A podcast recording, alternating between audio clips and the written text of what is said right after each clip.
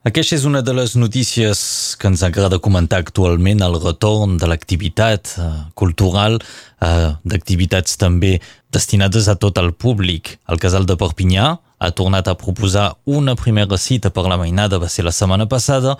El casal és ara obert als socis que hi vulguin passar, però sobretot veurem com l'agenda del casal es va emplenant cada cop més. Per això parlem avui amb la presidenta del casal de Perpinyà, Marta Serra. Bon dia. Bon dia. Doncs són bones notícies que hem de comentar avui, perquè, com ho dèiem, ja heu tingut alguna primera cita. Sí, doncs eh, vam decidir que tornàvem a obrir eh, totes les mesures excepcionals a les quals estan sotmès el món de, de la cultura, diguem-ne, i els, els actes en actes en espais tancats.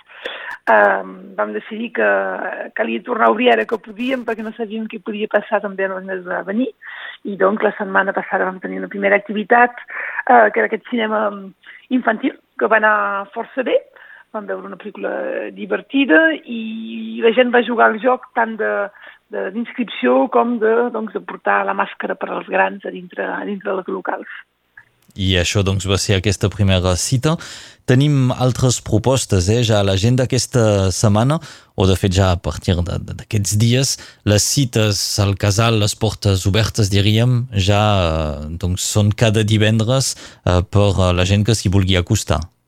Sí, exacte. L'any, el, després del confinament, diguem, vam tornar a obrir els dijous eh, al vespre eh, i hem passat al divendres perquè pensàvem que era un dia que que convenia millor per començar de bon peu al cap de setmana eh, i per fer activitat potser abans d'un dia que no és laborable.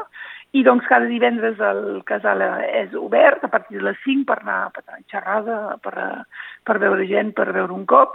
I sovint és els divendres doncs, que afegim en aquest rai del casal una, una activitat. Doncs el cinema i ara aquest divendres que arriba són, serà una, un, una lectura de contes de, de Kamishibai, de fet, més precisament, a cap, a, que és previst més aviat doncs, per, a, per a adults i que serà a càrrec de, del casal de Conflent, que ja fa temps que té aquesta activitat que presenta bé, algunes vegades a mainatges, però no només, um, i que serà un ple per nosaltres de compartir un quelcom que fa un altre casal de, de Catalunya Nord. El Kamishibai, una mena de, de, de mini-teatre que permet explicar històries, no sé pas com es pot definir.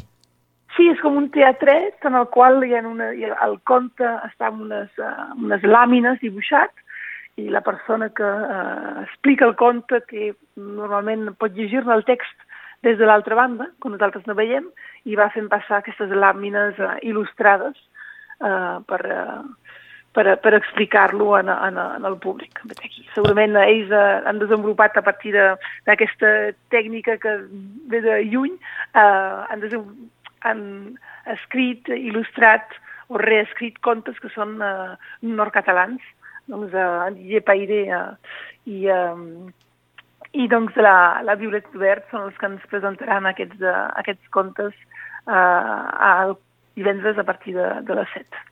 I a l'agenda teniu també, atenció, eh, atenció, música en directe. Quant de temps fa que no hem sentit música en directe? Eh, jo vaig tenir la sort d'anar a un concert de l'estiu, però haig de dir que vaig, eh, era a l'aire lliure i, i, i que alguna gent hem tingut privilegis així, uh, però és veritat que és, és, és molt trist haver de dir que fa tant de temps que no sentim música en directe i doncs eh, bon, altre cop en condicions eh, molt especials, amb inscripció prèvia, vam decidir que hi, hi tornàvem, pas de, amb la dificultat que no seran concerts, diguem-ne, de, de, de ballar, saltar i eh, abraçar-se amb el veí, perquè això no és possible, eh, a menys que si el veí sigui vici a casa vostra, eh, però eh, vam decidir que hi tornàvem i aquest concert en directe, el primer serà eh, amb un membre del casal que és músic, que és la Dia Bonjoc, doncs el duet eh, Massana Bonjoc, que serà el divendres 2 d'octubre, i, i a partir de les 7 encara un cop un divendres després de començar a fer el rai, eh, ben segur amb cadires separades, amb distàncies, amb una, amb una vència que aireja el casal, amb dues portes que ara ens permeten airejar i que esperem eh, la gent eh, confiï per venir a, a, en aquesta activitat. És que l'apunta abans? Oh, totes les activitats que fem a partir d'ara necessiten una inscripció prèvia eh, fent un mail al casal de Perpinyà o en alguns casos també passem per als socis eh, una, un enllaç per inscriure's eh, eh, la gent que rep el mail d'informació, doncs ho poden fer de, de les dues maneres, o bé enviant un mail al casalperpinyà.gmail.com o bé a través d'aquest enllaç contestant el mail de, que hauran rebut per a, per a presentar les activitats. I, i evidentment si hi ha places al moment eh, que la gent arriba, eh, aquestes places s'obriran, però hi ha el risc que eh, si hi ha massa gent no, no pugui entrar, entrar tothom. Uh -huh. uh, en el cas del cinema infantil ja hem decidit, perquè hi ha una altra data el mes d'octubre, el 7 d'octubre, que si hi ha massa nins el que es farà són dues sessions. Uh, es començarà molt puntual a la primera i se n'engegarà una segona al final de, de, de, de la pel·lícula, que són pel·lícules doncs, que no són molt llargues, i així ens permetrà que tothom uh, pugui accedir a, a la, a la pel·lícula. Molt bé, per més informació a la pàgina web, el casal de Perpinyà.cat, també ens trobem al Facebook i el mail doncs, per apuntar-se al casalperpinyà.gmail.com. Marta Ser, hem de parlar també d'aquesta campanya que heu iniciat per augmentar el nombre de socis del casal. Una mica una campanya per explicar eh, qui és el casal eh, i per què és important fer-se'n soci. Um, durant el període de confinament ens vam plantejar, evidentment, uh, què, què havien de fer i què, com ho havien de fer, i també la reflexió uh, uh, venia de comentaris que, exteriors que molt sovint ens feien pensar que la gent confonia el casal de vegades amb un local uh, municipal o un local uh, uh, pel qual nosaltres no teníem de fer un, un esforç d'obertura uh, i sí és veritat que el casal és un local de propietat i és una associació que tenim un gran privilegi eh, doncs, tenir un local de, de propietat.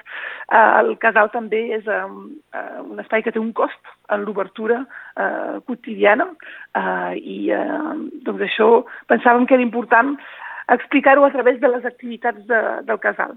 Doncs una mica l'històric, aquesta campanya té per objectiu explicar l'històric del casal, eh, d'on venim, d'en Salvador Figueres, eh, supervivent de, de Mauthausen, que va eh, deixar en herència a casa seva, eh, del nostre recorregut pel barri de Sant Mateu fins a Sant Martí, però també de marcar-nos en els països catalans, i a Casal és alhora un lloc d'activitats, però un lloc eh, pròpies, diguem-ne, però també un lloc que eh, és l'acollida eh, d'altres eh, entitats de la que no tenen, eh, no tenen espais. I doncs això té, una, té, un, doncs, té un cos en, en l'obertura, és la riquesa del casal perquè són activitats cada setmana, és una programació que no podríem fer sense totes aquestes entitats i sense tots els socis i sense tota la gent que participa en les reunions de, del casal, però alhora té, doncs, té, té un cost. I aquest cost, és veritat que en gran part eh, el tenim eh, eh, gràcies a, a subvencions, Uh, però les subvencions uh, permeten sobretot fer grans activitats. És a dir, les subvencions no és el que ens permet obrir la persiana cada, cada dia. Les subvencions permeten finançar uh, actes uh, com, a, com el 7 de novembre, de finançar concerts, de finançar uh, xerrades, però no el, el funcionament uh, uh, quotidià.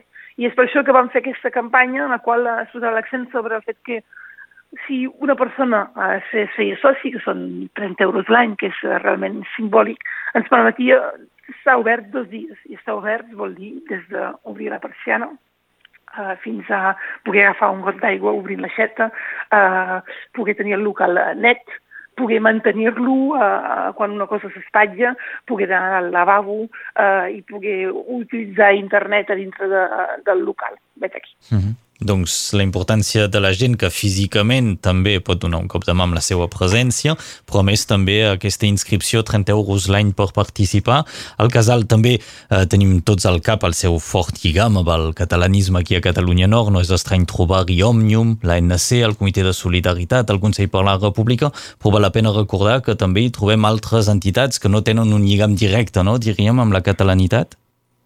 Exactament, el casal té aquesta, la seva base, és, eh, la seva definició és eh, la defensa de la llengua i la cultura catalana, doncs aquestes entitats de les quals parlava són una evidència per nosaltres, um, però després hi ha també la vessant uh, local, uh, de Perpinyà i en un moment polític actu com l'actual, eh, per, el que pugui passar en aquesta nova municipalitat d'extrema dreta. Sabem que més que mai és important que la gent que uh, viu a Perpinyà uh, pugui tenir un espai on fer coses. I això ja fa temps que passava.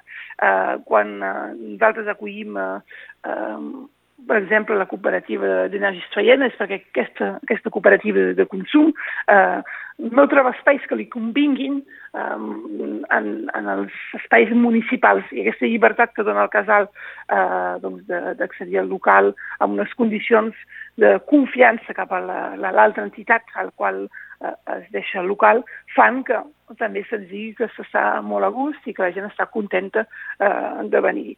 I això passa, passa amb Energies Traiena, passa amb col·lectius o amb uh, associacions que venen de forma puntual perquè el local és accessible com a col·lectiu uh, de miopat de Perpinyà uh, i això uh, dona també, per nosaltres també és important en la, en la vida, en la vida de, del casal perquè uh, el fa visible uh, i li dona, dona sentit. Molt bé, aneu a descobrir doncs, uh, uh, aquesta campanya. Si també voleu donar un cop de mà al casal, si us en voleu fer soci, tindreu tota la informació, la pàgina web, uh, casal de Perpinyà, uh, veiem si ho dic bé, casaldeperpinyà.cat, és aquesta? Sí, és això. I el Facebook també, o directament per mail per qualsevol informació. Exacte. I després, l'agenda, feu també un cop d'ull, una cita amb contes per adults aquest proper divendres, dia 25, i el 2 d'octubre un concert. Evidentment en tornarem a parlar aquí a Radio Arrels. Marta Serra, presidenta del Casal de Perpinyà, moltes gràcies. Moltes gràcies a vosaltres.